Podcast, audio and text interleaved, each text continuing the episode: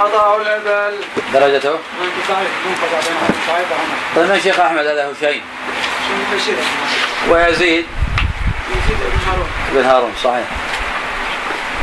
أخبرنا حدثنا يعقوب قال حدثنا أبي عن بن إسحاق قال حدثني عبد الله بن أبي نجيح وعمر بن شعيب كلاهما عن مجاهد بن جابر. فذكر الحديث وقال أخذ عمر بن النبي ثلاثين حقة وثلاثين جذا وأربعين ثنية إلى بازل عامها إلى بازل عامها كلها خلفها. قال ثم دعا أخا المقتول فأعطاها إياه دون به. وقال سمعت رسول الله صلى الله عليه وسلم يقول ليس لقاتل شيء. نعم درجته؟ صحيح. مجاهد صحيح.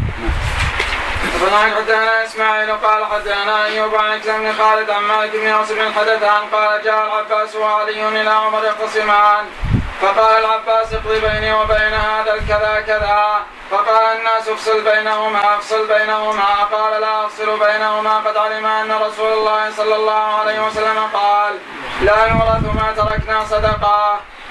درجته؟ ماذا نسأل من فقهه؟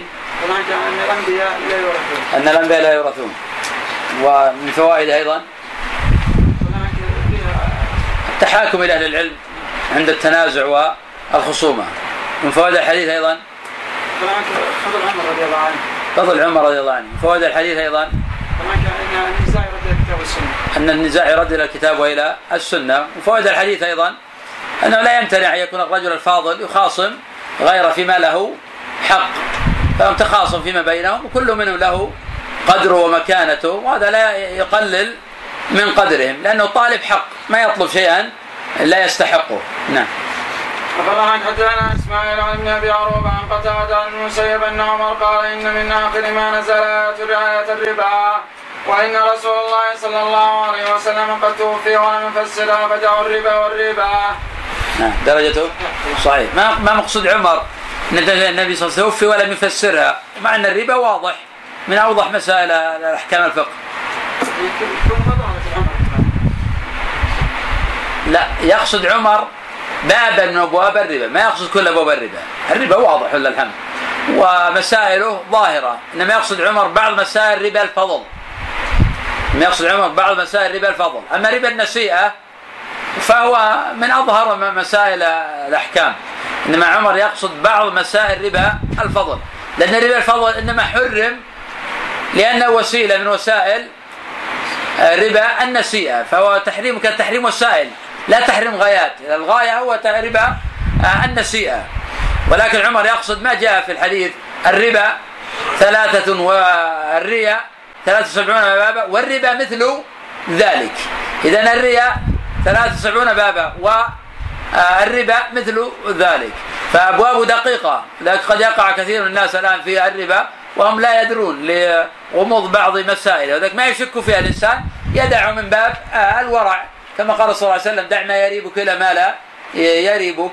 وكما قال النبي صلى الله عليه وسلم فمن اتقى الشبهات فقد استبرأ لدينه وعرضه. كما في الحديث الآخر وإن أفتاك الناس الناس وأفتوك. يعني تدعه اللي يفتاك قد اجتهد والمسألة قد تكون خلافية ولكن أنت ما اطمأنت نفسك إلى ذلك فإنك تدعه وتعرض عنه. نعم. فلان حدثنا أبو عبد الله محمد بن جعفر قال حدثنا شعبة عن الحكم عن عمارة بن عمير عن إبراهيم بن أبي موسى عن أبي موسى أنه كان يفتي بالمتحف فقال له رجل بويتك ببعض فتياك فإنك لا تدري ما احدث أمير المؤمنين في النسك بعدك حتى لقيه بعد فساله فقال عمر قد علمت أن النبي صلى الله عليه وسلم قد فعله وأصحابه ولكني كرهت أن يظلوا بهن معرسين في الأراك ثم يروحون بالحج تقطر رؤوسهم. نعم درجته صحيح كما عدد الأنساك ثلاثة ما هي؟ المتعة والقرآن والإفراد. المتعة طيب النبي صلى الله عليه وسلم هل حج مفردا أم حج قارنا؟ قارن حج قارنا. ما الدليل على النبي صلى الله عليه وسلم حج قارنا. قال عمرة في حجة. كيفية هلال القارن؟ ما يهل بالحج والعمرة. هنا أي يهل بالعمرة ثم يدخل عليها الحج. لبيك عمرة وحجاء طيب كيفية هلال المتمتع؟ لبيك عمرة. عمرة نعم. وحجا يقول أو يقول لبيك عمرة فقط. آه، هل طيب قول العامة الآن لبيك عمرة متمتعا بها إلى الحج غلط. هذا لا أصل له لأنه لو أخذ عمرة الآن أخذ عمرة متمتع ناوي التمتع بنيته ثم أخذ عمرة وفرغ قال والله برجع هل من حقه؟ إيه وهو ينوي التمتع اترك انقطع التمتع الآن هل هل يحل الرجوع أم لا؟ نعم. ما يرجع هو محرم هو اي برجع بعد خلاص ما يرجع. خلاص في عمره ما الحج ما الحج نعم. نعم هذا يجوز بالاتفاق. لكن لا قول بقول العامة متمتعا بها إلى الحج إذا ربط نسكا بنسك. ذاك هذه المسائل يخطئ فيها العامة. لو قال الانسان حج متمتعا أخذ عمرة. قال برجع خلاص الحج ما بحج أرجع عادي ما في إشكال. وبلا خلاف أصلا. أخذت العمرة الآن. لكن لو صار قارنا أو مفردا وأخذ العمرة هل يرجع؟ لا لأنه لا يزال محرما. هذا لم يكن محرما. لكن لو أحرم بالحج فيما بعد خلاص تلبس بالحج وأتم الحج والعمرة لله. إذا كان محرما خلاص ليس له أن أن يفسخ إحرامه. نعم. نعم. عاد مسألة انقطع التمتع مسألة أخرى. الصحيح أنه ما ينقطع التمتع إلا إذا رجع لبلده. أما إذا ذهب مثلا ذهب للطائف ثم رجع أو ذهب لجدة يبقى متمتعا. نعم. حدثنا حدثنا محمد بن جعفر وحجاج قال حدثنا شعبة عن سعد بن إبراهيم قال سمعت عبيد الله بن عبد الله بن عتبة يحدث ابن عباس عن عبد الرحمن بن عوف قال حج عمر بن الخطاب فأراد أن يخطب الناس خطبة فقال عبد الرحمن بن عوف إنه قد اجتمع عندك رعاه الناس فأدخل ذلك حتى اتت المدينة. فلما قدم المدينة دنوت قريبا من المنبر فسمعته يقول وإن ناسا يقولون ما بال الراجم وإنما في كتاب الله الجلد وقد رجم رسول الله صلى الله عليه وسلم ورجمنا بعدها ولولا أن يقولوا أثبت ولولا أن يقولوا أثبت في كتاب الله ما ليس فيه لأثبتها كما أنزلت. من درجته؟ صحيح. ماذا استفيد منه؟ أهمية الشورى. أهمية الشورى وأن الإنسان يستشير أهل العقل والفضل. ما يستشير محبة ودب. نساء الفضل والعقل. نعم. فضيلة عبد الرحمن بن عوف فضيلة عبد الرحمن بن عوف. هذا إشارة لعمر بما في مصلحة عامة لكل المسلمين. ما نستفيد؟ خاصة بالحديث قوم دون قوم اي نعم. فيها أيضا أن النساء ما يتكلم عند العامة بما هو فوق عقولهم. عمر أراد يتحدث بموضوع السبب أنه سمعوا ناسا يقولون لو مات عمر لبايعت فلان وفلان يذكرون طائفه من الأنصار ولا اما تكون إلا في آه، قريش. فاهم عمر ان يتكلم فقال له عبد الرحمن تتكلم هؤلاء رعى الناس تكلم في وجوه المهاجرين والأنصار. ففي الإنسان الأمور المواضيع المهمة والأمور الكبيرة ما يتحدث بها عند كل آه، الناس. كما واقع اليوم تجد بعض الأحيان مشاكل بين كل المسلمين أو طائفة المسلمين تطرح مثلا بتويتر تطرح في المجالس هذه مسائل تدرس مع أهل أهل الحق العقل الذين يصدر الناس عن رأيهم. هؤلاء لا دخل فيه يتكلم في هذه المواضيع الرجل التافه الذي لا قيمة له. ثم وهذا يجرنا مسألة البرلمانات العصرية الموجودة التحريج على شرع الله جل وعلا. طيب هب, هب إن هذا من الحلال. هل يحرج على شرع الله عند علمانيين؟ هل العلماني استشار في في شرع الله جل وعلا؟ هل المبطل الضال هذا آه، الذي يحارب شرع الله في كل اتجاه. ويتكلم في الإسلام ويستهزئ في الصحف بالإسلام. هل هذا ينظر في رأيه؟ هذا لا يلتفت إليه ولا ينظر في لا راي أصلا. هذا يؤدب. عمر رضي الله عنه جعل الشورى في أهل الحل والعقد من أئمة الدين. ما جعل الشورى في الرعاع والمفسدين. بعض الناس يقول عمر هو اللي أصل هذه القضية. عمر أصل وضع الشورى. ما أصل آه، التصويت على شرع الله جل وعلا. شرع الله ثابت.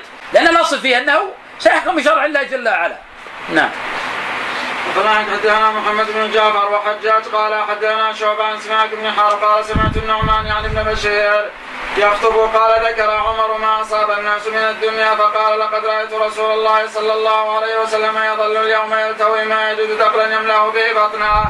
درجته؟ صحيح ماذا نستفيد منه؟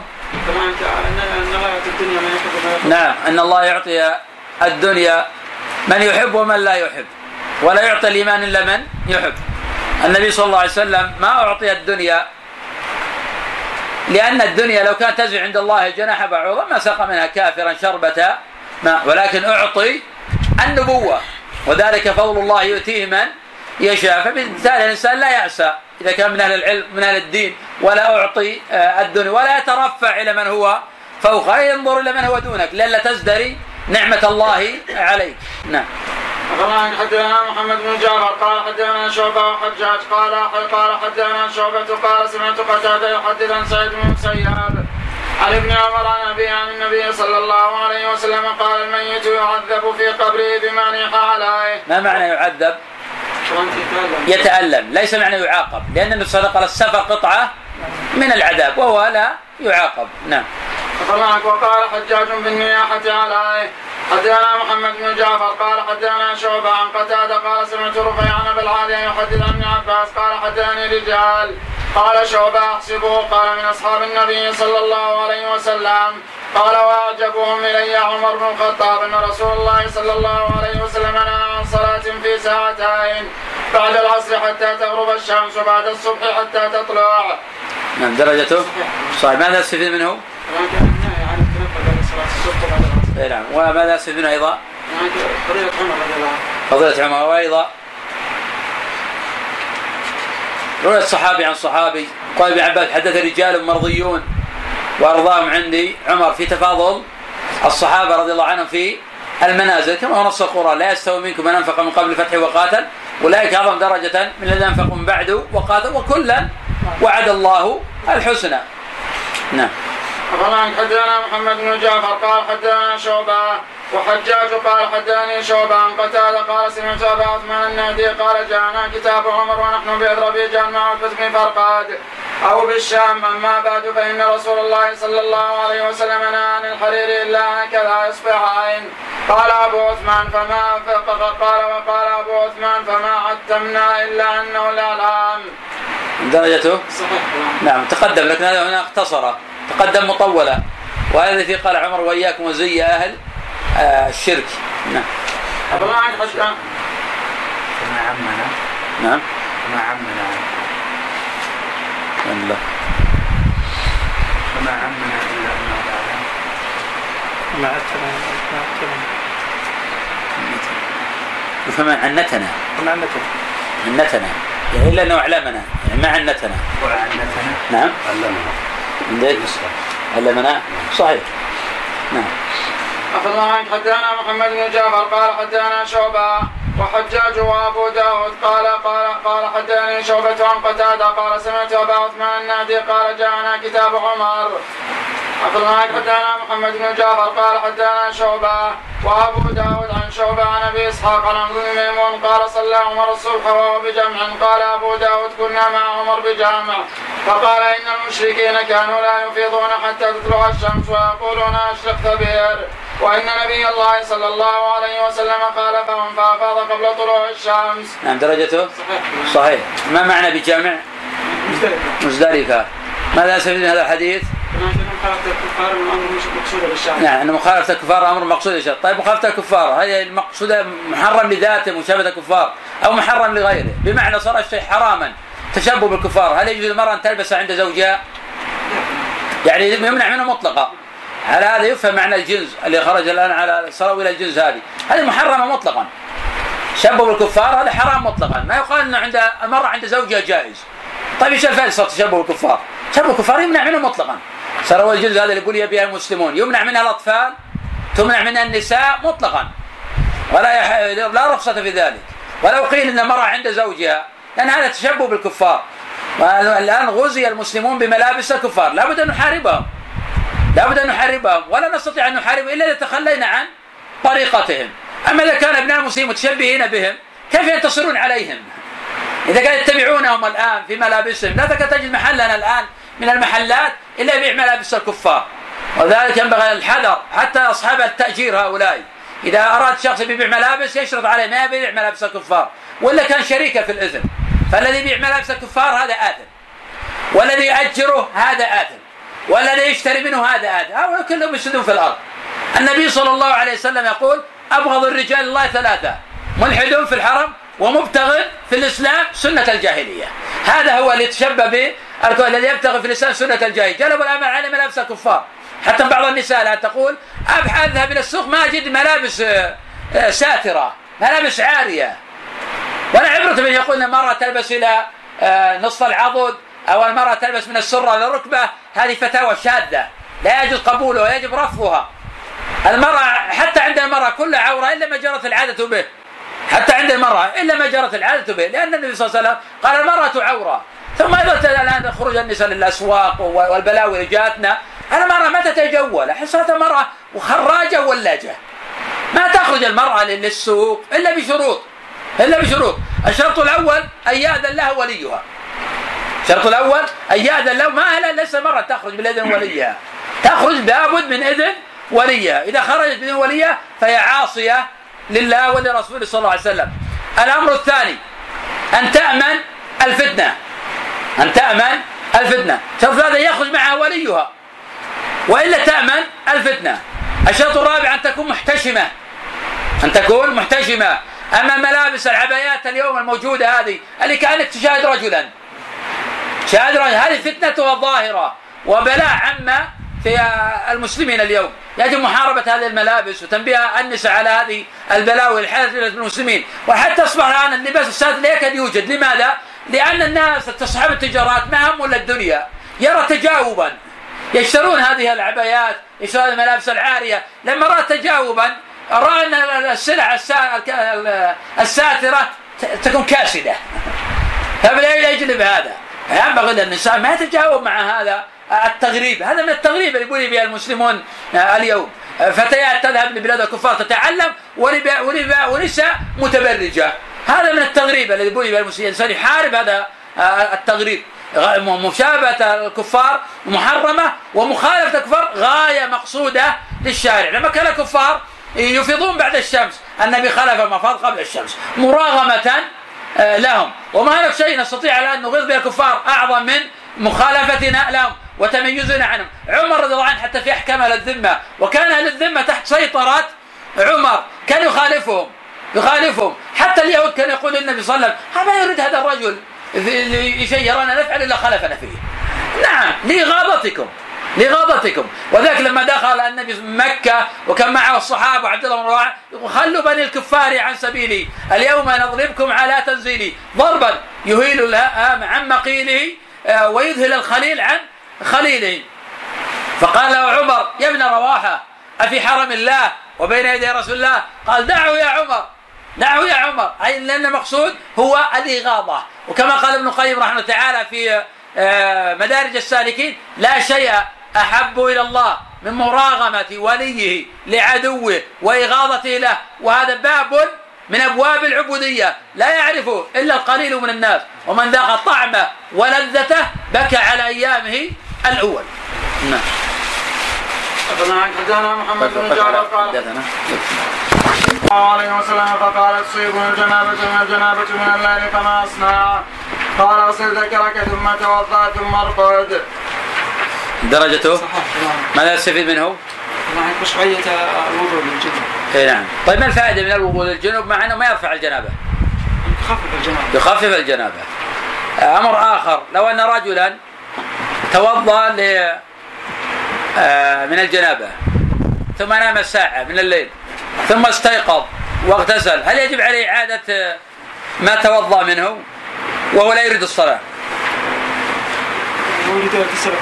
يريد نعم بس التطهر من الجنابة لا غير. لا ما يجب كذا كان بيغتسل غسل ما يعني لو قدر أنه غسل مواضع أخرى غير ما غسل الماء ولو فت... كان بين فتره فترة طويلة. نعم هذا الصواب وهذه مساله يخطئ فيها الناس. وإن الإنسان يتوضأ على جنابة توضأ. على جنابة توضأ. ثم نام أو مستيقظ وبعد ساعة أو ساعتين قال لعلي آه، أغتسل ما يجب عليه إعادة ما مضى. هنا عاده ما في إشكال. لكن الوجوب لا يجب عليه. يغسل ما لم يصبه الماء في الوضوء. لكن إذا كان محدثا لا بد يتوضأ وضوءه لأجل الصلاة أو ما تلزمه الطهارة لا لأجل أن الجنابة لا ترتفع إلا بهذا نعم حدثنا محمد بن جعفر قال حدثنا شعبة عن سلمة بن كويل قال سمعت أبا الحكم قال يقول سألته يقول قال سألت ابن عمر عن الجر فقال حدثنا عمر ان رسول الله صلى الله عليه وسلم عن الجر وعن الدب وعن المزفات. درجته؟ صحيح. صحيح. آه، هل كان هذا النهي أول الإسلام ثم أو النهي مستمر؟ مستمر لماذا؟ مستمر إذا كان يجتهد هو مستغرب الآن إذا كان يشتد لكن النبي صلى الله عليه وسلم كنت نهيتكم عن انتباه هذه الأوعية فانتبذوا بها كما في مسلم. إذا النبي اذن بهذا. لما من أول الإسلام كان يشتد فلا بد أن يكون فيه منع وحجز لأنهم في حالة انتقال من حالة إلى حالة. فلما استقر الأمر عندهم رخص في آه، ذلك. ولكن آه، الأوعية التي يشتد فيها الخمر آه، ينهى عنها مطلقا. فكان هذه الاوعيه نهي عنها سدا للذريع. فلما استقر الأمر أذن بالنبيذ ما لم يتخمر أو يبلغ ثلاثة آه، أيام. نعم. أخبرنا حدثنا محمد بن جعفر قال حدثنا شعبان عاصم الأحوال عبد الله بن سرجس قال رأيت الأصيل يعني عمر بن الخطاب يقبل الحجر ويقول أما أما إني لا أما إني أعلم أنك حجر ولكن رسول ولكن رأيت رسول الله صلى الله عليه وسلم يقبلك. درجته؟ صحيح. تقدم مرارا. فمعك حدثنا محمد بن جعفر قال حدثنا شعبة قال سمعت أبا جمرة الضبعي يحدث عن جويل بن قدامة قال حجزت فأتيت المدينة العام الذي أصيب فيه عمر قال فخطب فقال إني رأيت كأن ديكا أحمر نقرني نقرة أو نقرتين شعبة الشاك. فكان من أمره أنه طعن فاذن للناس عليه فكان أول من دخل عليه أصحاب النبي صلى الله عليه وسلم.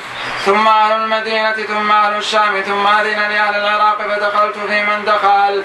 قال فكان كلما دخل عليه قوم أثنوا عليه وابوا وبكوا قال فلما دخلنا عليه قال وقد عصب بطنه بعمامة سوداء. والدم يسيل قال فقلنا أوصنا. قال وما ساله الوصية أحد غيرنا. فقال عليكم بكتاب الله فإنكم لن تضلوا ما اتبعتموه. فقلنا أوصنا. فقال أوصيكم بالمهاجرين فإن الناس سيكثرون ويقلون. وأوصيكم بالأنصار فإنهم شعب الإسلام الذي لجأ إليه. وأوصيكم بالأعراب فإنهم أصلكم ومادتكم. وأوصيكم بأهل ذمتكم فإنهم عهد نبيكم ورزق عيالكم. قوموا عني. قال فما زدنا على هؤلاء الكلمات. قال محمد بن جعفر قال شعبة ثم سألته بعد ذلك. فقال في الأعراب وأوصيكم بالأعراب فإنهم إخوانكم وعدو عدوكم نعم درجته صحيح. نعم. مكتوب عندي.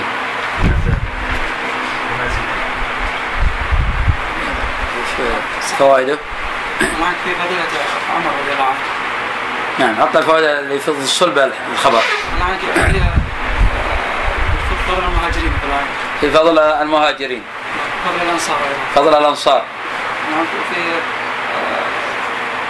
آه، رأي أهل العراق حيث طلب من عمر الوصية اي نعم. طبعا في المسائل الفقهية. الاستئذان لأجل عند الدخول في الاستئذان عند الدخول. وهل الاستئذان عند الدخول واجب أو مستحب؟ واجب. الأصل فيها الوجوب. نعم. وقد يكون مستحبا في أشياء أخرى لا لذات المسألة. من فوائد الحديث؟ وصية بكتاب الله عز وجل. الوصية بكتاب الله جل وعلا. طيب المعبرون أخذ من هذا الحديث فائدة. ما هي؟ ما ابو مجاهد؟ المعبرون أخذ من الحديث فائدة. ما هي؟ قوة المعنى نعم. نعم. نعم. الديك الديك يفسرون بالأجر رجل الأعجمي. المعبرون يفسرون الديك بالرجل الأعجمي لهذا الخبر. يقول نقرني ديك نقرتين. ولنقر أبو لؤلؤة المجوسي رجل أعجمي. ففسر الديك بالرجل الأعجمي. نعم. نعم. قد لا يكون على الاطلاق قد لا يكون لكن الأصل هذا هو الأصل. الأصل أن الديك في ال- عند المعبرين هو الرجل الأعجمي. نعم. أخبرنا حدثنا حجاج قال أخبرنا شعبة قال سمعت أبا جمرة الضبعي يحدث عن جبير بن قدامة قال حججت فأتيت المدينة العام الذي أصيب فيه عمر قال فخطب فقال إني رأيت كأن ديكا أحمر نقرني نقرة أو نقرتين. شعبة الشاك. قال فما لبثت إلا جمعة حتى طعن. فذكر مثله إلا أنه قال أوصيكم بأهل ذمتكم فإنهم ذمة نبيكم. قال شعبة ثم سألته بعد ذلك فقال في الأعراب وأوصيكم بالأعراب فإنهم إخوانكم وعدو عدوكم. أخبرنا حدثنا محمد بن جعفر قال حدثنا سعيد. وعبد الوهاب عن سعيد عن قتادة عن أبي العالي عن ابن عباس أنه قال شهد عندي رجال مرضيون فيهم عمر وأرضاهم عندي عمر أن رسول الله صلى الله عليه وسلم نهى عن صلاة بعد الصبح حتى تطلع الشمس وبعد العصر حتى تغرب. كل الحديث مرت علينا واسانيده صحاح نعم. حدثنا محمد بن جعفر قال حدثنا سعيد قال عن قتادة عن الشعبي عن سويد بن غفلة أن عمر خطب الناس بالجابية فقال نهى رسول الله صلى الله عليه وسلم عن لبس الحرير إلا موضع أصبعين أو ثلاثة أو أربعة وأشار بكفه. درجته صحيح. صحيح وتقدم بالامس أيضا نعم. أخبرنا حدثنا محمد بن جعفر قال حدثنا سعيد عن قتادة عن سعيد بن المسيب عن ابن عمر عن عمر أن النبي صلى الله عليه وسلم قال الميت يعذب في قبره بما نيح عليه. نعم. درجته؟ صحيح. صحيح وتقدم. نعم. أخبرنا عنك حدثنا محمد بن جعفر قال حدثنا كامس عن ابن بريدة ويزيد بن هارون قال حدثنا كامس عن ابن بريدة عن يحيى بن عمر عن سمع ابن عمر؟ قال حدثني عمر بن الخطاب. قال بينما نحن ذات يوم عند نبي الله صلى الله عليه وسلم اطلع علينا رجل شديد بياض الثياب شديد سواد الشعر. لا يرى. قال يزيد لا نرى عليه أثر السفر ولا يعرفه منا أحد. حتى جلس إلى نبي الله صلى الله عليه وسلم فأسند ركبتيه إلى ركبتيه ووضع كفيه على فخذيه ثم قال يا محمد أخبرني عن الإسلام. قال ما الإسلام؟ فقال الإسلام أن تشهد أن لا إله إلا الله وأن محمدا رسول الله. وتقيم الصلاة وتؤتي الزكاة وتصوم رمضان وتحج البيت إن استطعت إليه سبيلا. قال صدقت. قال فعجبنا له يساله ويصدقه. قال ثم قال أخبرني عن الإيمان. قال الإيمان أن تؤمن بالله وملائكته وكتبه ورسله واليوم الآخر والقدر خيره وشر والقدر كله خيره وشره. قال صدق. قال فأخبرني عن الإحسان. قال ما الإحسان؟ قال يزيد أن تعبد الله كأنك تراه فإن لم تكن تراه فإنه يراك. قال فأخبرني عن الساعة. قال ما المسؤول عنها بأعلم من بها من السائل؟ قال فأخبرني عن أماراتها. قال أن تلد الأمة ربتها وأن ترى الحفاة العراة رعاء الشاة يتطاولون في البنية في البناء. قال ثم انطلق. قال فلبثت مليا. قال يزيد ثلاثا. فقال لي رسول الله صلى الله عليه وسلم يا عمر وتدري من السائل؟ قال قلت الله ورسوله أعلم. قال فإنه جبريل أتاكم يعلمكم دينكم. نعم درجته صحيح وتقدم أيضا. نعم. أخبرنا عنك حدثنا عبد الله بن يزيد قال حدثنا كان عبد الله بن عن يحيى بن عمر سمع ابن عمر قال حدثنا عمر قال كنا جلوسا عند رسول الله صلى الله عليه وسلم فذكر الحديث إلا أنه قال ولا يرى عليه أثر السفر وقال قال عمر فلبثت ثلاثا فقال لي رسول الله صلى الله عليه وسلم يا عمر أخبرنا عنك حدثنا بهز قال وحدثنا عفان قال حدثنا همام قال قال هذا حدثنا بهز من هو بهز هذا؟ بهز بن أسد بن وعفان؟ ابن مسلم. ابن مسلم. هذا أوثق الناس في حماد بن سلمة. عفان هذا ابن مسلم. أوثق الناس في حماد بن سلمة. نعم. أخذنا عنك؟ قال حدثنا قتادة عن أبي نضرة. قال قلت لجابر بن عبد الله أن ابن الزبير ينهى عن المتعة وإن ابن عباس يأمر بها. قال فقال على يدي جرى الحديث تمتعنا مع رسول الله صلى الله عليه وسلم. قال عفان ومع أبي بكر فلما ولي عمر خطب الناس فقال إن القرآن هو القرآن وإن رسول الله صلى الله عليه وسلم هو الرسول وإنهما كانتا متعتان على عهد رسول الله صلى الله عليه وسلم. إحداهما متعه الحج والأخرى متعه النساء. درجته؟ صحيح. طيب حماد عن قتادة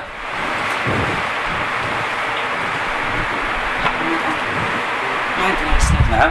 عندنا اسناد طيب حمام عندكم طيب درجته؟ صحيح. نص الحديث الصحيح. حديث مسلم.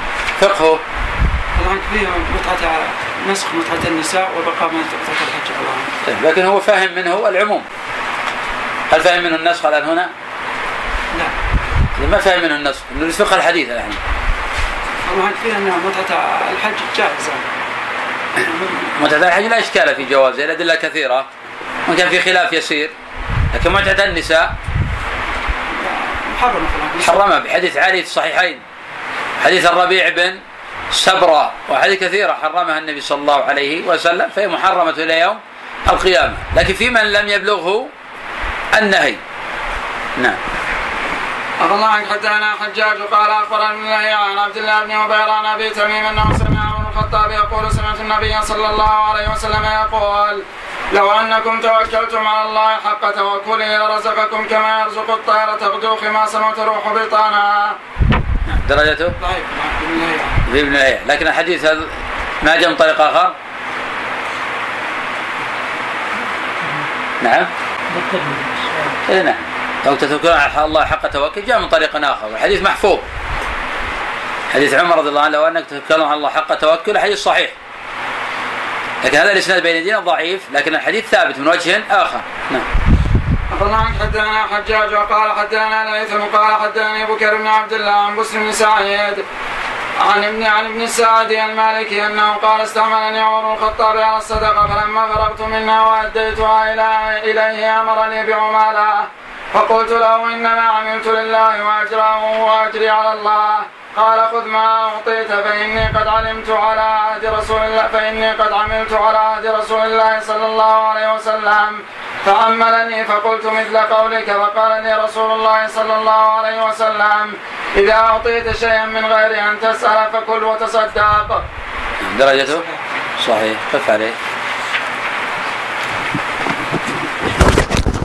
أنه قال أشجت يوما فقتلت وأنا صائم فأتيت رسول الله صلى الله عليه وسلم.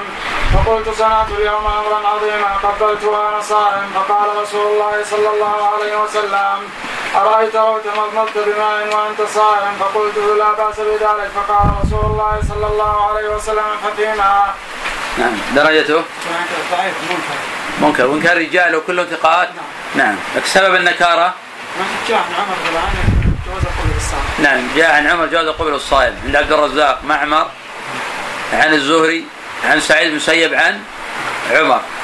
وبهذا قال الإمام أحمد رحمه الله تعالى وكما نص عليه ابن عبد الهادي رحمه الله تعالى في التنقيح. نعم. أخبرنا حدانا يحيى بن إسحاق قال أخبرنا ابن لهيعة قال حدانا عبد الله بن عبيرة قال سمعت أبا تميم الجيشاني يقول سمعت عمر بن الخطاب يقول سمعت رسول الله صلى الله عليه وسلم يقول لو أنكم كنتم توكلون على الله حق توكله لرزقكم كما يرزق الطائر. ألا ترون انها تغدو خماصا وتروح بطانها درجته ضعيف ابن لهيعة طيب ابن لهيعة لكن جاء من طريق أخرى وصححه الترمذي وغيره. ماذا نستفيد من الحديث؟ ومن قضية التوكل على الله. عز وجل قضية التوكل على الله عز وجل وأن الناس لو يتوكلون على الله لرزقهم كما يرزق الطير. ومن ثم كان الشافعي يتمثل بهذه الأبيات كثيرة. وتوكلت في رزقي على الله خالقي وأيقنت بأن الله لا شك رازقي.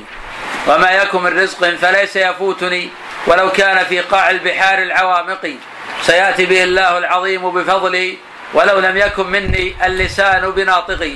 ففي أي شيء تذهب النفس حسرة وقد قسم الرحمن رزق الخلائق.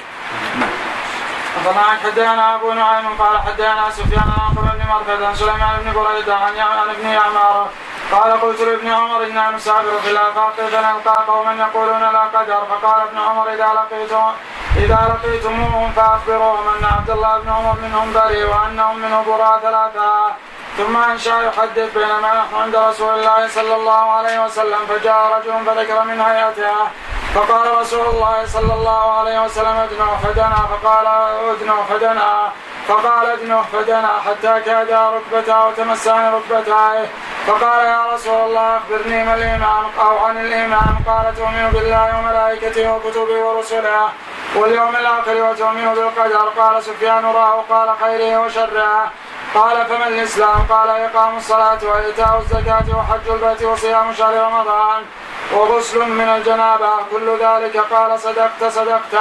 قال القوم ما رأينا رجلا أشد توقيرا لرسول الله صلى الله عليه وسلم من هذا كأنه يعلم رسول الله صلى الله عليه وسلم. ثم قال يا رسول الله أخبرني عن الإحسان. قال أن تعبد الله وتعبده كأنك تراه فإن لا تراه فإنه يراك. قال كل ذلك نقول ما رأينا رجلا أشد توقيرا لرسول الله صلى الله عليه وسلم من هذا. فيقول صدقت صدقت. قال أخبرني عن الساعة. قال ما المسؤول عنها؟ بأعلم بها من السائل. قال فقال صدقت. قال ذلك مرارا. ما رأينا رجلا أشد توقيرا لرسول الله صلى الله عليه وسلم من هذا. ثم ولى قال سفيان فبلغني أن رسول الله صلى الله عليه وسلم قال التمسوه فلم يجدوه. قال هذا جبريل جاءكم يعلمكم دينكم. ما أتاني في صورة إلا عرفته غير هذه الصورة. درجته؟ صحيح. نعم تقدم أيضا حديث كهمس عن يحيى بن عمار تقدم باسناده بطوله. نعم. الله عنك حدثنا أبو أحمد قال نعم شاذة لفظ غسل الجنابة شاذة نعم. إيه، نعم. في التوكل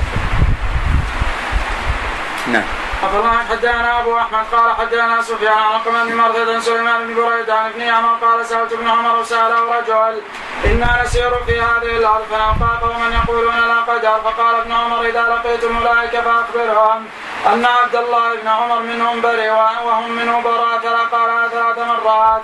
ثم انشا يحدثنا قال بينا نحن عند رسول الله صلى الله عليه وسلم فجاء رجل فقال يا رسول الله فقال يا رسول الله ادنوا فقال, فقال ادنوه فدنا رتوى ثم قال يا رسول الله ادنوا فقال ادنوا فدنا تروى ففد فدنا رتوى ثم قال يا رسول الله ادنوا فقال فقال ادنوا فدنا رتوى حتى كادت أن تمس ركبته ركبه رسول الله صلى الله عليه وسلم فقال يا رسول الله ما الإيمان فذكر معناه.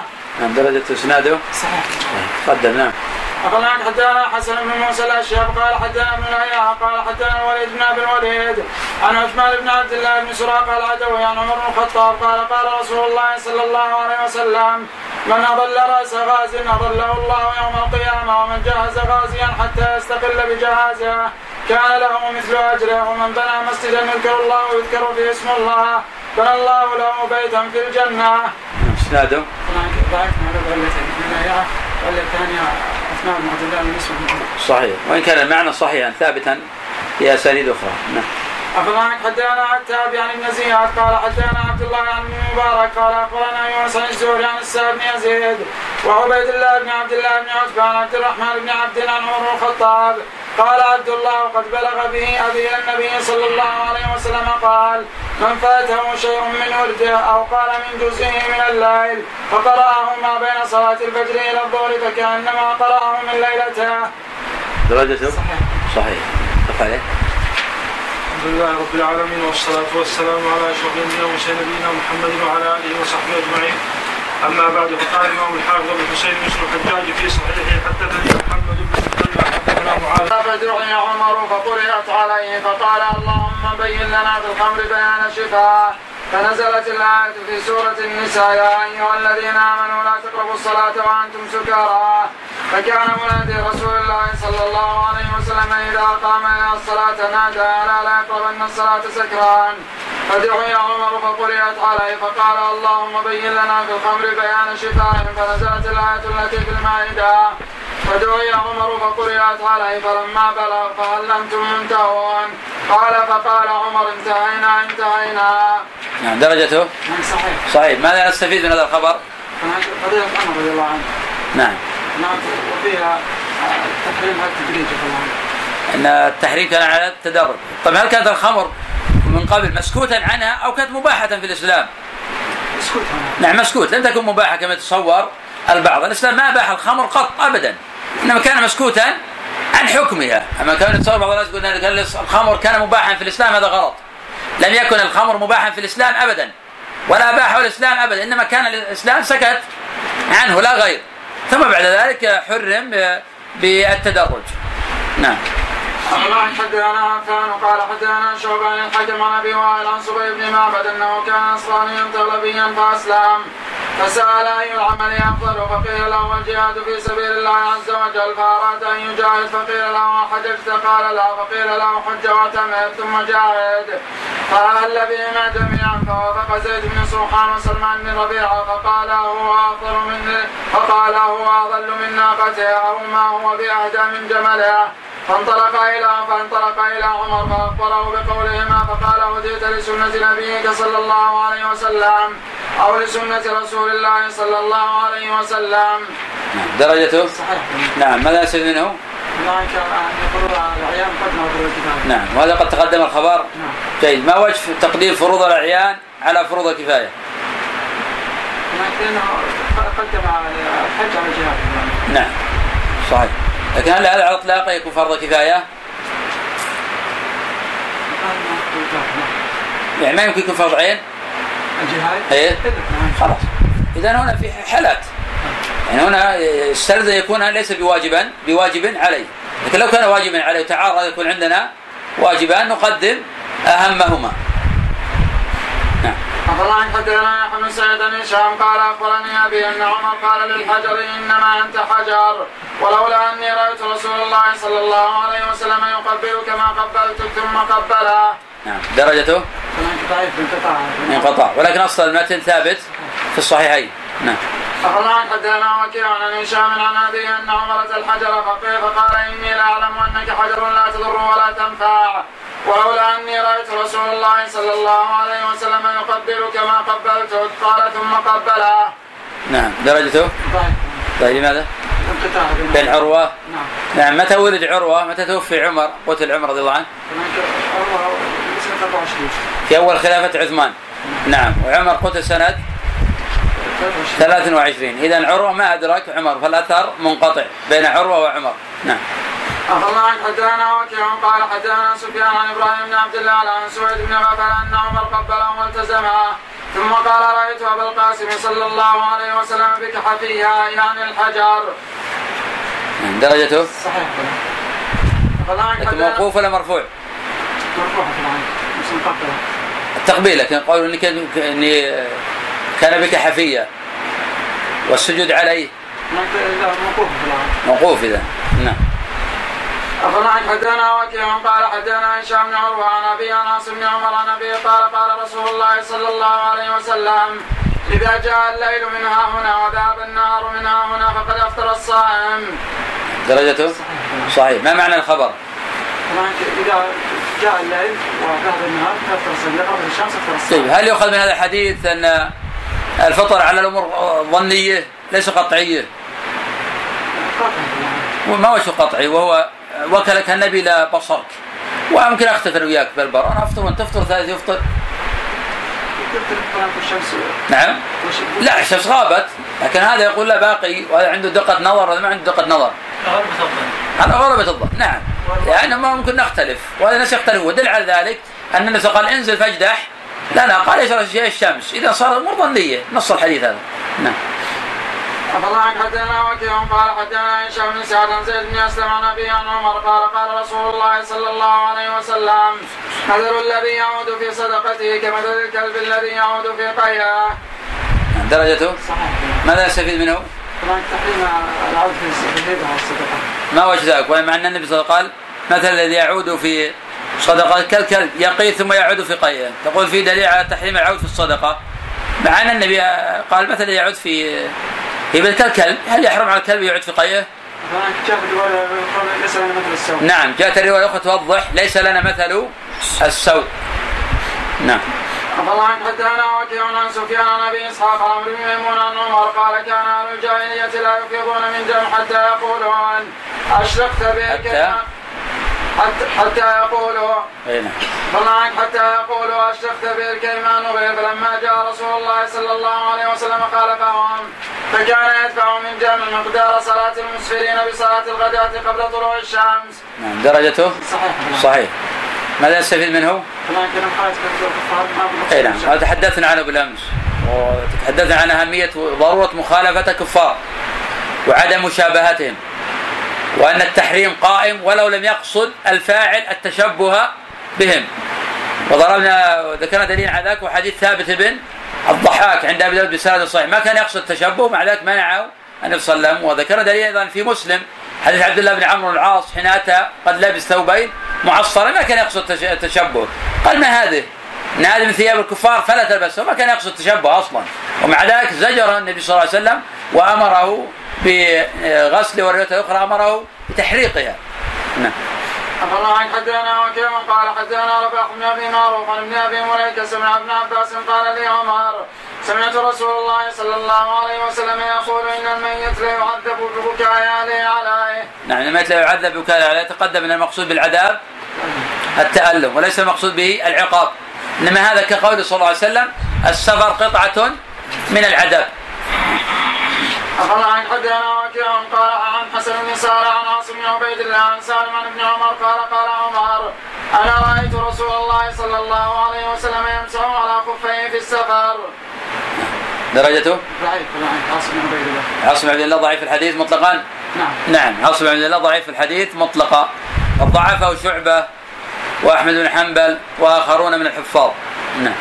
عن حدثنا وكيع عن إسرائيل عن أبي إسحاق عن عمرو بن ميمون عن عمر أن النبي صلى الله عليه وسلم كان يتعوذ من البخل والجبن وعذاب القبر وأرذل العمر وفتنة الصدر. قال وكيع فتنة الصدر أن يموت الرجل أن يموت الرجل. وذكر وكيع الفتنة لم يتب منها. نعم. درجته؟ صحيح. وإسرائيل من أوثق الناس في أبي إسحاق السبيعي. نعم. أفضل عن حدثنا وكيع. قال حدثني عمر بن وليد الشني. عن عبد الله بن بريدة. قال جلس عمر مجلسا. كان رسول الله صلى الله عليه وسلم يجلس وتمر عليه الجنائز. قال فمروا بجنازة فأثنوا خيرا. فقال وجبت. ثم مروا بجنازة فأثنوا خيرا. فقال وجبت. ثم مروا بجنازة فقالوا خيرا. فقال وجبت. ثم مروا بجنازة فقالوا هذا كان أكذب الناس. فقال إن أكذب الناس يكذبهم على الله. ثم الذين يلونهم من كذب على روحه في جسده. قال قالوا أرأيت إن شهد أربعة؟ قال وجبت. قالوا وثلاثة؟ قال وجبت. قالوا واثنين قال وجبت ولأن نكون قلت واحدا أحب إلي من حمر النعام. قال فقيل لعمر هذا شيء تقوله برأيك أم شيء سمعته من رسول الله صلى الله عليه وسلم؟ قال لا بل سمعته من رسول الله صلى الله عليه وسلم. درجته؟ نعم. صحيح. في انقطاع نعم. أخبرنا حدثنا عبد الرحمن قال حدثنا سفيان عن أبي عن عباية بن رفاعة قال بلغ عمر أن سعدا لما بنى القصر قال انقطع انقطع انقطع الص- الصويت فبعث صويته صويته انقطع في رواية انقطع الصوت. ما المراد بذلك انقطع الصوت؟ لا. صحيح. ال- حاجة الناس. يعني احتجب عن الناس. ما عاد أحد يزعجه. وضع بابا حاجبا بينه وبين أصحاب الحاجات فانقطع الصويت ما عاد يسمعني أحد. لكن في عمر ما انقطع الصويت حرق الباب كله. ففي أن الإنسان ما يحتجب إذا كان مسؤولا ما يحتجب عن الناس يبرز الناس والناس يقضون حوائجهم. نعم لكن يأتي الحديث عن إسناده لكن المعنى صحيح. وهذا ليس بعيد من هدي عمر رضي الله عنه. نعم. أخبرنا قال انقطع السويت فبعث إليه محمد بن مسلمة فلما قدم أخرج وأرو- وأوراد ناره وابتاع حطبا بدرهم. يعني اشترى حطما بدرهم حتى يحرق بابه. وهو موجود في البيت. ولما شكى قال سعد يعني اعتذر له. قال ما في مانع عذرك أنا أنقله. كما أنا أنفذ أمر عمر رضي الله عنه عذرك أنقله. لا لا تحرق الباب ما فيه لابد تحريقه فحرق الباب. نعم. عنك وقيل لسعد إن رجلا فعل كذا وكذا فقال ذاك محمد بن مسلمة فخرج إليه فحلف بالله ما قال فقال نؤدي عنك الذي تقوله ونفعل ما أمرنا به. نعم نؤدي عنك تقول يعني إنك ما قلت الكلام صحيح. أنت من العشر المبشرين بالجنة وأنت محل ثقة. لكن في الوقت ذاته إنه نفذ أمر عمر ما في ما بين الأمير وبين الناس حواجز. حرق بابه فحرقه رضي الله عنه. وسعد على طول عرف إن محمد بن مسلمه لمعرفته بقوته في الحق. ومحمد بن مسلمه من فضائله ما هي؟ قتل كعب بن الأشرف اليهودي الذي كان يسب النبي صلى الله عليه وسلم. وأيضا عامي في آخر حياته وبلغه أن رجلا كان يسب النبي صلى الله عليه وسلم. ويقول إن قتل محمد إن قتل كعب بن الأشرف كان آه، غدرا. فكان يدلون عليه. فمر ذاك دلوا عليه وهو أعمى. فبطحه في الأرض. وكان يريد قتله فأفلت الرجل لأنه كان أعمى. نعم. أخذ عنك فأحرق الباب ثم أقبل يعرض عليه أن فأبى. فخرج فقدم على عمر فهجر إليه فسار ذهابا ورجوعه تسعة تسعة أشرا فقال لولا حسن الظن بك لرأينا أنك لم تؤد عنا. قال بلى أرسل يقرأ السلام ويعتذر ويحلف بالله ما قال قال فهل زودك شيئا؟ قال لا. قال فما منعك أن تزودني أنت؟ قال إني كرهت أن أمر لك فيكون لك البارد ويكون لي الحار وحولي أهل المدينة قد قتلهم الجوع وقد سمعت رسول الله صلى الله عليه وسلم يقول لا يشبع الرجل دون جارة. آخر مسند عمر بن الخطاب. درجته؟ ضعيف. نعم. بالانقطاع نعم. لله رب العالمين والصلاة والسلام على أشرف الأنبياء والمرسلين نبينا محمد وعلى آله قال أبي أحمد بن حنبل وحدثنا محمد بن جعفر قال حدثنا عوف عن يزيد قال قال ابن عباس قلت لعثمان بن عفان ما حملكم على أن عمدتم إلى الأنفال وهي من المثاني وإلى براء وهي من فقرنتم بينهما ولم تكتبوا قال ابن جعفر بينهما سطرا. بسم الله الرحمن الرحيم. ووضعتموها في الطوال ما حملكم على ذلك. قال عثمان إن رسول الله صلى الله عليه وسلم كان مما يأتي عليه الزمان ينزل عليه من السور ينزل عليه من السور ذوات العدد وكان إذا أنزل عليه الشيء يدعو بعض من يكتب عنده يقول ضعوا هذا في السورة التي يذكر فيها كذا وكذا وينزل عليه الآيات فيقول ضعوا هذه في ضعوا هذه الآيات في السورة في السورة التي يذكر فيها كذا وكذا وينزل عليه الآية. فيقول ضعوا هذه الآية في السورة التي يذكر فيها كذا وكذا. وكانت الأنفال من أوائل ما أنزل بالمدينة وقرأت من آخر من آخر القرآن. فكانت قصتها شبيهة بقصتها فقبض رسول الله صلى الله عليه وسلم. ولم يبين لنا أنها منها وظننت أنها منها فمن ثم قرنت بينهما. ولم يكتب بينهما سطرا. بسم الله الرحمن الرحيم. قال ابن جعفر ووضعتها في السبع الطوال. درجته؟ ضعيف. نعم. يزيد الفارسي؟ نعم. نعم. ما حاله؟ مجهول. مجهول. وهذا أيضا أصل وقد تفرد به. طيب لماذا ما كتبت البسملة عند العلماء على براء؟ بين سورة منها فهذا هو السر في ذلك. نعم. أفضل حدثنا يحيى بن سعيد عن هشام بن عروة. قال أخبرني أبي أن حمران أخبره قال توضأ عثمان على البلاط ثم قال لو حدثنكم حديثا سمعته من رسول الله صلى الله عليه وسلم. لولا آية في كتاب الله ما حدثتكم سمعت النبي صلى الله عليه وسلم يقول من توضأ فأحسن الوضوء ثم دخل وصلى غفر له ما بينه وبين الصلاة الأخرى حتى يصليها. درجته؟ صحيح. صحيح طيب. ما معنى قوله صلى الله عليه وسلم ولم يحدث بهما نفسه؟ الوسائل طيب ما ضابط هذا؟ ما الضابط؟ الانسان حدث نفسه أو ما حدث نفسه. لا لأنه لابد من ضابط. مثلا نقول هذا الرجل إذا استرسل. نعم الضابط الاسترسال. بمعنى لو خطر عليه شيء ودفعه يضره؟ ما يضره. يحظى بهذا الاجر أما إذا استرسل وغفل فهذا قد فاته آه الأجر. طيب هل يشرع للشخص أن يتوضأ ليصلي ركعتين لينال هذا الأجر؟ نعم يشرع هذا. يشرع الإنسان أن يذهب إلى بيته ويتوضأ ليصلي ركعتين حتى ينال هذا الأجر. ودائما يشرع هذا إلا في أوقات النهي. فيشرع لكل مسلم دائما يحاول ينال هذا الأجر. إذا غفل في الصلاة يمشي صلاة أخرى. حتى ما يغفل وينال هذا الأجر. غفر له ما تقدم من ذنبه. طيب غفر له ما تقدم من ذنبه. هذا في الصغائر أم في الكبائر؟ نعم الجمهور يقول تكفر الصغير وهذا مكسب. هذا شيء عظيم. لكن ابن تيمية يقول أيضا حتى والكبائر نعم. أخذ عن حدثنا أحمد بن سعيد عن مالك قال حدثني نافع عن نبي بن وهب عن عثمان عن النبي صلى الله عليه وسلم قال المحرم لا ينكح ولا ينكح ولا يخطب. نعم درجته صحيح ما معنى الحديث؟ لا ينكح ولا ينكح ولا يخطب. لا ينكح هو ولا يعقد على ابنته نعم. ولا يخطب. نعم. طيب هل يستفاد من هذه فائدة أخرى؟ إذا كل شيء يتعلق بهذه الأمور ينهى عن ذلك ولا أن تأخذ حكمه من كل وجه. لكن ما دام النهى عن ذلك نلحق بها ما كان في معاني آه النكاح. طيب لو أن رجلا أنكح في الحج يعني عقد على امرأة في وهو محرم ما حكمه؟ أنه يقضي الفساد. طيب لو تحلل التحلل الأول وعقد على امرأة. اذا الآن ما حل طيب في قول ثاني في المساله حد عنده جواب. أنا أقول لو تحلل التحول الأول في الحج وعقد أو إسماعيل يقول لا ما تحلل. لأن ما لم تحلل تحلل الثاني. في قول بأنه يحل كل شيء إلا النساء. إلا النساء. يعني محرم الوط؟ إذا العقد ما حرم. يحرم العقد. نعم هذا رأي ابن تيمية ورواية عن وما ذكره أبو إسماعيل. يقول لطائفة من العلماء. ولكن شيخ الإسلام يقول المحرم عليه هو الوط.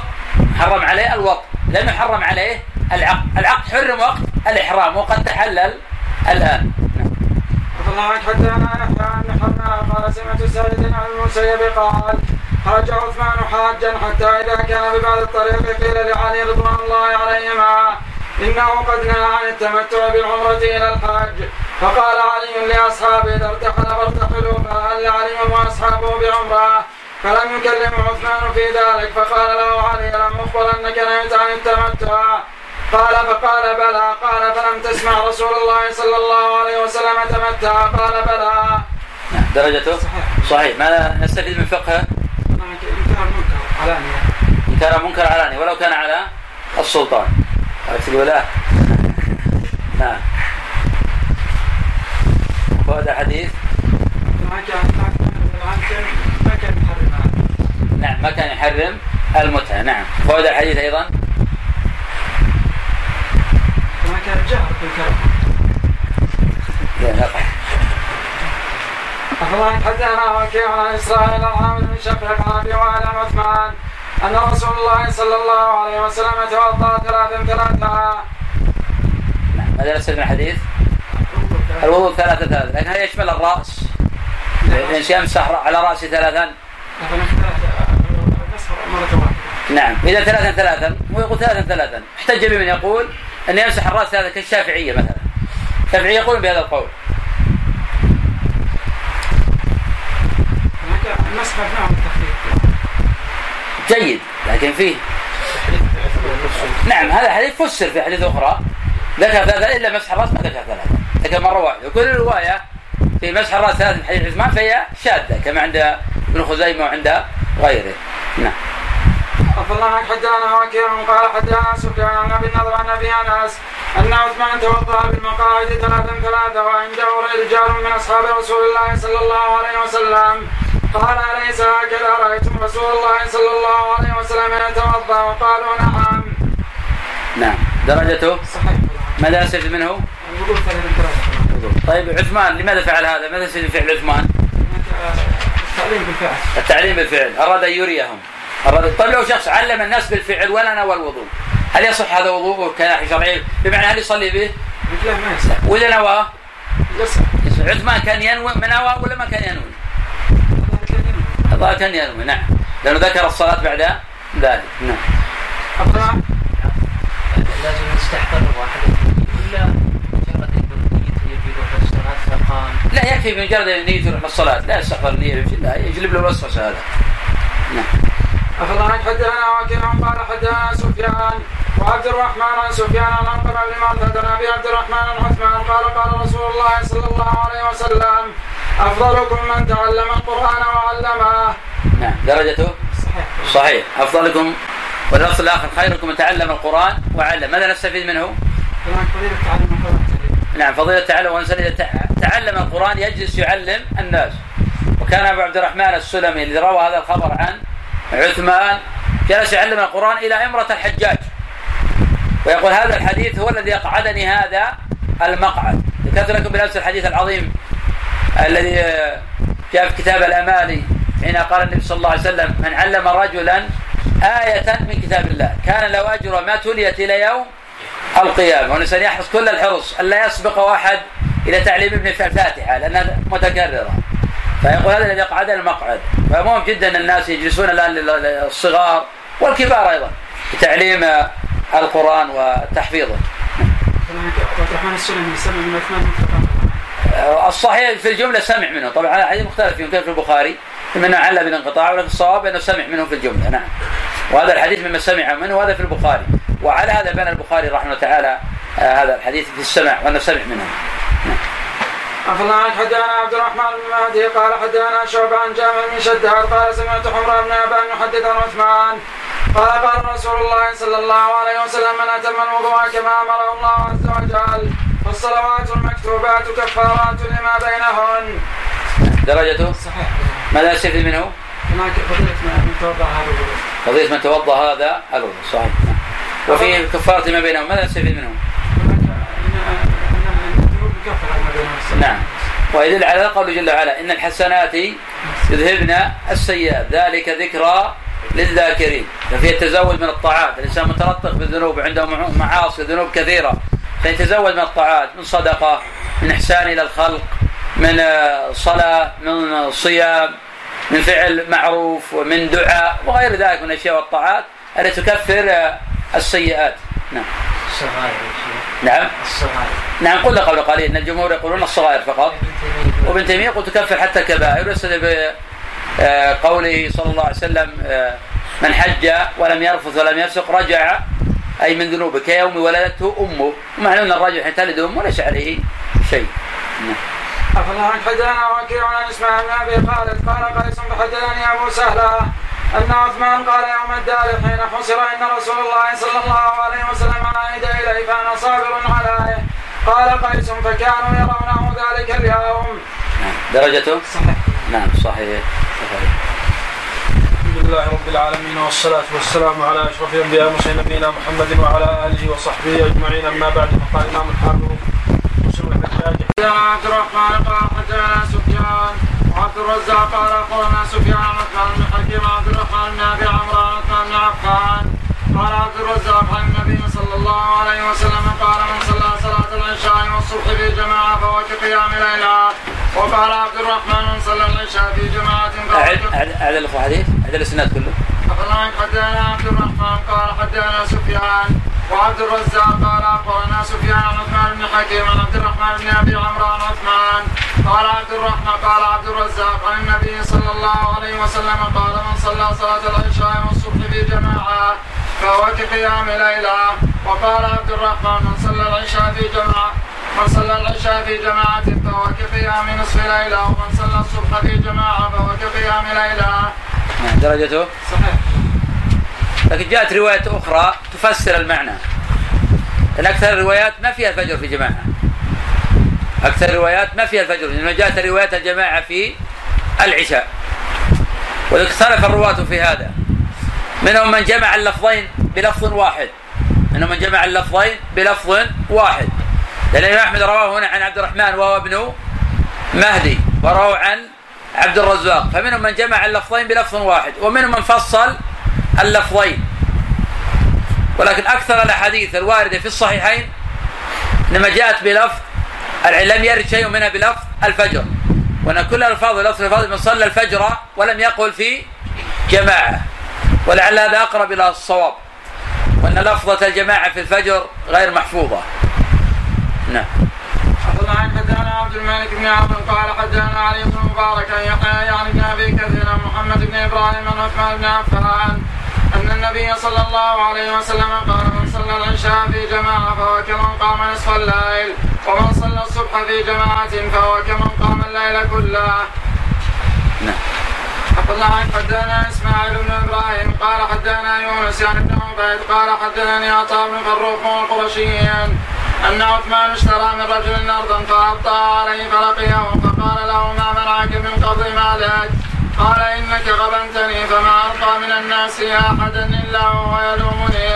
قال وذلك يمنعك؟ قال نعم. قال فاختر بين أرضك ومالك.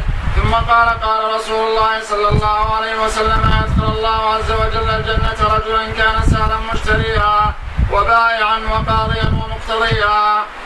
درجته؟ ضعيف. حسب فروق بالنسبة نعم. وهذا عطاء بن الفروخ ما درجته؟ مشهور نعم مشهور إذا في علتان في الجهالة والانقطاع نعم.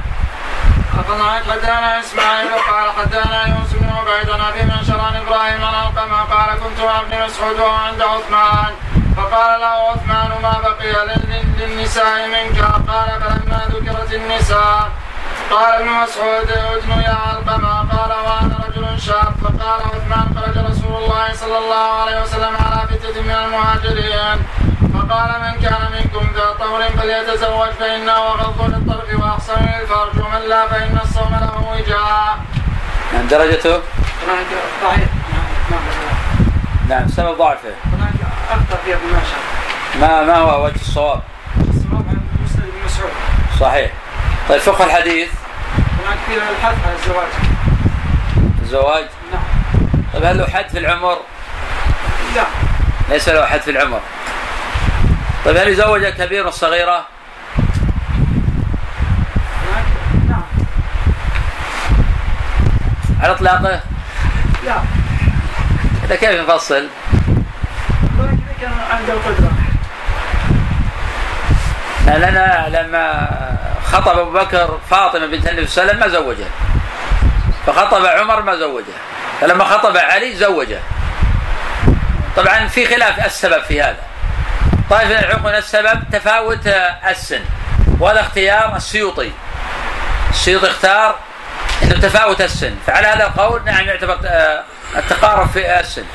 ولكن على قول طائفة أن السبب أن عليا قد سبقهما. طائفة من العلماء يقول ان عليا قد سبقهما فرفض النبي هذا لأنه قد يعني لوح وكان النبي اختار عليا فعلى ينتفي هذا آه، التعليل. نعم. أخبرنا حدثنا محمد بن جعفر وبهز وحجاج قالوا حدثنا شعبة قال سمعت علقمة بن مرثد يحدث عن سعد بن عبيدة. عن ابي عبد الرحمن السلمي عن عثمان بن عفان عن النبي صلى الله عليه وسلم أنه قال إن خيركم من علم القرآن أو تعلمه. قال محمد بن جعفر وحجاج قال فقال أبو عبد الرحمن فذاك الذي اقعدني هذا المقعد؟ قال حجاج وقد قال شعبة ولم يسمع أبو عبد الرحمن من عثمان ولا من عبد الله ولكن قد سمع من علي رضي الله عنه. قال أبي وقال باز عن شعبة قال علقمه بن مرثد أخبرني؟ وقال خيركم من تعلم القرآن وعلمه. نعم هذا قوله. ولذهب للطائفه من العلماء أن أبا عبد الرحمن السلمي قد سمع من عثمان. وهذا الذي نصره الإمام البخاري رحمه الله تعالى. وقد جاء ما يدل على سماعه. ومن ثم احتج البخاري رحمه الله تعالى في صحيحه بالسمع وابو عبد الرحمن كما سمع من عثمان سمع من علي. وهذا الذي يذهب إليه البخاري رحمه الله.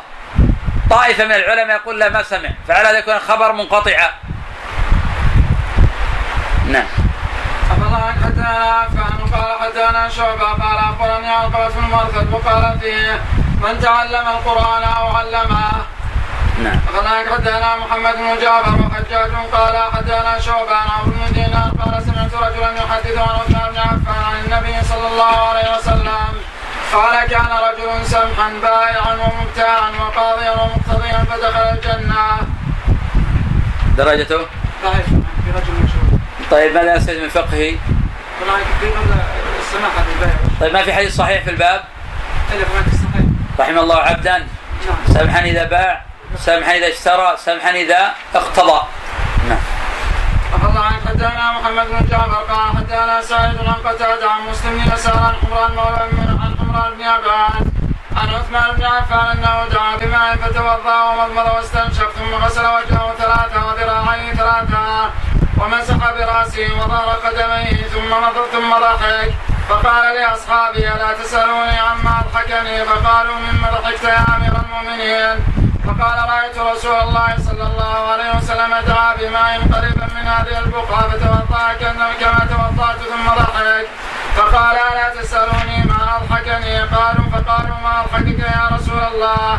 فقال إن العبد إذا دعا بوضوء فغسل وجهه حط الله عنه كل خطيئه أصابها بوجهه. فإذا غسل ذراعيه كان كذلك وإن مسح برأسه كان كذلك وإن طه وإذا طهر قدميه كان كذلك. نعم. درجته. متى ولد قتادة؟ 60 اسماعيل. سنة 60 ومتى قتل عثمان رضي الله عنه؟ سنة 40 علي قتل سنة 40 سنة 30 اسماعيل. كم؟ 30 30 إذا على هذا صار علي وخلفة علي عشر سنوات. 35 عطنا إياها بسرعة خلف الراشدين. وفيات عمر رضي أبو بكر رضي الله عنه سنة عشر. سنة عشر. سنة 13 13 نعم. وعمر رضي الله عنه 23 سنة 23 وعثمان 35 35 علي؟ علي الله نعم. اي يدخل يصير 13 يصير صحيح. إذا تقول ما تقول سنة 12 سنة 13 زيادة نعم ما هي؟ قال وإذا مسح ظهر قدمه كان كذلك؟ ما عندك زيادة هذه؟ طهر قدميه. ماذا؟ وإذا طهر قدميه كان كذلك. وعندك انت ماذا؟ زاد بعدها وإذا مسح ظهر قدمه كان كذلك ما نبه عليه عندك حاشية هذه طبعة المنهاج طبعة المنهاج قوية أقوى من الطبعة هذه خير النظر نعم. الله عنك حدثنا باز ولا نبع عندك في الحاشية قال في فيها جيد. يعني تعتمد عليها. هذه النسخة قوية جدا. أنا أنصح كل طالب علم تكون عنده هذه النسخة. ونسخة النط لابد منها. تخريج. وهذه ما فيها تخريج لكن فيها ضبط للنص. وهي في ضبط النص النص من أحسن النسخ. نعم حدثنا باز قال اخبرنا مهدي بن ميمون قال حدثنا محمد بن عبد الله بن ابي يعقوب عن الحسن بن سعد بن الحسن بن علي عن رباح قال زوجني أهلي امة لهم رومية فوقعت عليها فولدت لي غلاما اسود مثلي فسميته عبد الله ثم وقعت عليها فولدت لي غلاما اسود مثلي فسميته عبيد الله ثم طبن لها غلام ما تقول عبيد الله سميته عبيد الله نعم فطلع فسميته عبيد الله. ثم طبن لها غلام غلام لأهل رومي يقال له يوحنا. يقال له يوحناس. فراطنها فراطنها بلسانها. قال فولدت غلاما كأنه وزغة من الوزغان فقل- فقلت لها ما هذا؟ فقال قالت هو ليوحناس. قال فرجعنا إلى أمير المؤمنين عثمان رضي الله عنه. قال مهدي يحسبه قال سألهما فاعترفا فقال أترضيان أن أقضي بينكما بقضاء رسول الله صلى الله عليه وسلم قال فإن رسول الله صلى الله عليه وسلم قضى أن الولد للفراش وللعائل الحجر قال مهدي ويحسبه قال جلدها وجلد جلدها وجلدها وكانا مملوكين. درجته صحيح. هذا معروف. ماذا نستفيد منه؟ هناك ان للرجل في رسم العالم جيد. فائدة أخرى هل يجوز تشبيه الرجل وكأنه وزغ أو كأنه حمار أو كأنه كذا؟ لا ما يجوز. وهذا حديث. طيب طيب. طيب ما في أدلة أخرى؟ في في البخاري دليل على جواز. نعم ما هي في البخاري؟ كأنه جمع الأوراق. لا لا. كأنه وحرة وهي الدويبة تشبه الوزغ. وهذا هذا كلام النبي صلى الله عليه وسلم. هذا دليل على الجواز وفلان كأنه وزغ ما النبي يقول هكذا. حديث البخاري. بقيد أمرك الحاجة اي بالحاجة والحقيقة يعني. ما يقصد التنقص والاحتقار والازدراء هذا لا يجوز. مطلقا محرم. نعم. قول النبي صلى الله عليه وسلم قال إيه. لا هذا تشبيه بالر- بالرجل بالرجل بالرجل. هذا رجل لكن هذا تشبيه بالدواب. هذا يريد السؤال هذا. كان يشبه بالوزغ. عبد الله حدثنا عبد الله. قال حدثنا شيبان أبو محمد. قال حدثنا مهدي بن ميمون قال حدثنا محمد بن عبد الله بن أبي يعقوب عن الحسن بن سعد عن رباح فذكر الحديث.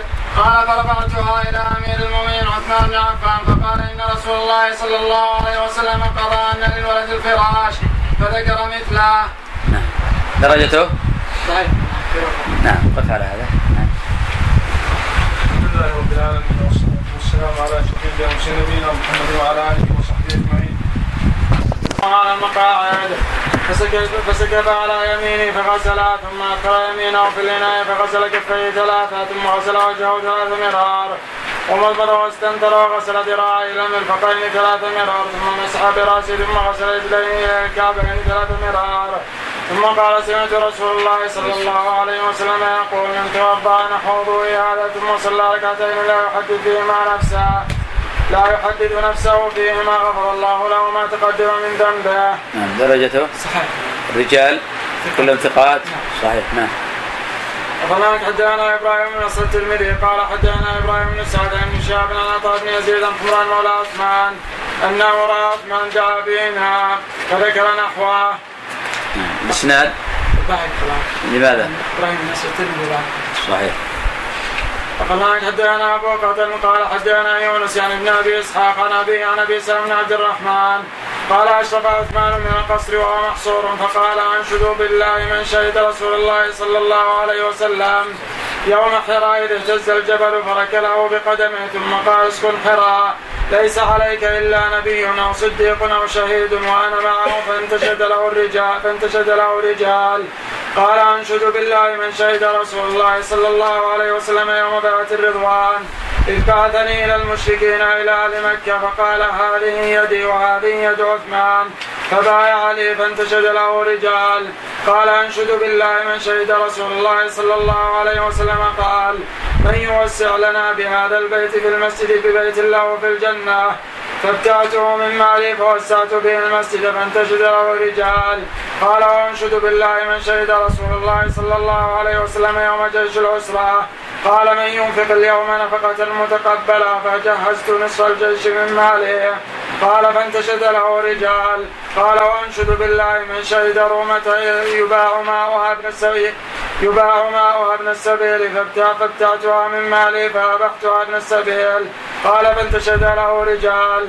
نعم درجته؟ صحيح إذا نختلف فيه على أبي إسحاق. رواه شعبة عن أبي إسحاق عن عن عن عن هذا صحيح هذا صحيح. وإن كان أيضا المتن ثابت في طرق أخرى كثيرة المتن. كل هذه الفضائل ثابتة لعثمان رضي الله عنه انه من المشهود لهم بالجنة وانه من العشرة المبشرين بالجنة. نعم.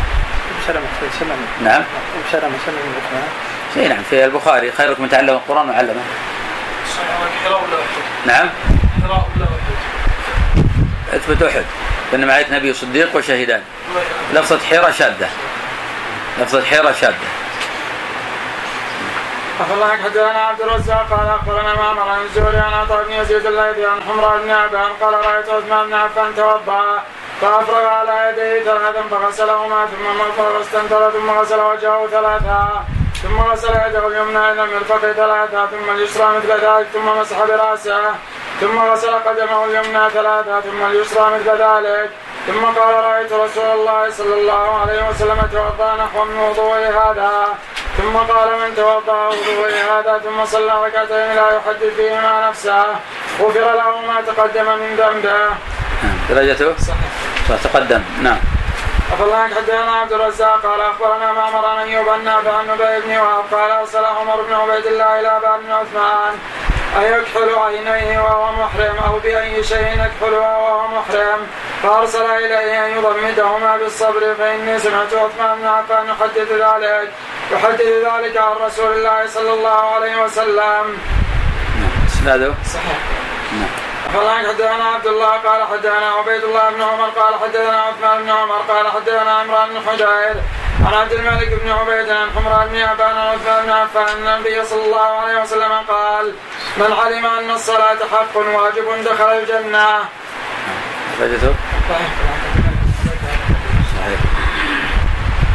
حدثنا عبد الله قال حدثنا محمد بن أبي بكر المقدمي قال حدثنا أبو معشر عن البراء عن البراء واسمه يوسف بن يزيد قال حدثنا ابن حرمل عن سعيد بن المسيب قال حج عثمان حتى إذا كان في بعض الطريق أخبر علي أن عثمان نهى أصحابه عن التمتع بالعمرة والحج. فقال علي لأصحابه إذا راح فروحوا. فأهل علي وأصحابه بعمرة فلم يكلمهم عثمان؟ فقال علي ألم أخبر أنك نهيت عن التمتع؟ ألم يتمتع رسول الله صلى الله عليه وسلم؟ قال فما أدري ما أجابه عثمان رضي الله عنه. درجته صحيح. صحيح. أخبرناك حدثنا عبد الرزاق. قال حدثنا معمر عن الزهري عن مالك بن يوسف بن الحدثان. قال أرسل إلي عمر بن الخطاب فبينما أنا كذلك إذ جاء مولاه يرفع. فقال هذا عثمان وعبد الرحمن وسعد والزبير بن والزبير بن العوام. قال ولا أدري ذكر طلحه ام لا يستأذنون عليك. قال اذن لهم ثم مكث ساعة ثم جاء فقال هذا العباس وعلي يستأذنان عليك؟ قال اذن لهما فلما دخل العباس قال يا أمير المؤمنين اقض بيني وبين هذا. وهما حينئذ يختصمان فيما أفاء الله على رسوله من أموال بني النضير. قال فقال القوم اقض بينهما يا أمير المؤمنين وارق كل واحد من صاحبه. فقد طالت خصومتهما فقال عمر أنشدكم الله الذي بإذنه تقوم السماوات والأرض. أتعلمون أن رسول الله صلى الله عليه وسلم قال لا نورث ما تركنا صدقة. قالوا قد قال ذلك وقال لهما مثل ذلك فقال نعم. قال فإني سأخبركم عن هذا ان الله عز وجل خص نبيه صلى الله عليه وسلم منه بشيء لم يعطه غيره فقال وما افاء الله على رسوله منهم فما وجدتم عليه من خير ولا ركاب. وكانت لرسول الله صلى الله عليه وسلم خاصة والله ما احتاجها دونكم ولاستاثرها عليكم لقد قسمها بينكم وبثها فيكم حتى بقي منها هذا المال فكان ينفق على اهله منه نصف سنة ثم يجعل ما بقي منه مجعل مال الله فلما قبض رسول الله صلى الله عليه وسلم قال أبو بكر أنا ولي رسول الله صلى الله عليه وسلم بعده أعمل فيها بما كان يعمل في رسول الله صلى الله عليه وسلم فيها. صحيح. مر علينا؟ نعم. أفضلك حدثنا عبد الله. قال حدثنا إسماعيل أبو معمر قال حدثنا يحيى بن سليم الطائفي. عن إسماعيل بن أمية. عن موسى بن عمران بن مناح. عن أبان بن عثمان. عن عثمان أنه رأى جنازة فقام لها. وقال رأيت رسول الله صلى الله عليه وسلم رأى جنازة فقام لها. بن سعيد. لكن المعنى؟ صحيح. هل ثبت انه تقام لجنازه؟ صحيح نعم. ماذا قال علي رضي الله عنه؟ قام الرسول صلى الله عليه وسلم فقمنا. وقعد. فقعدنا. نعم. شوف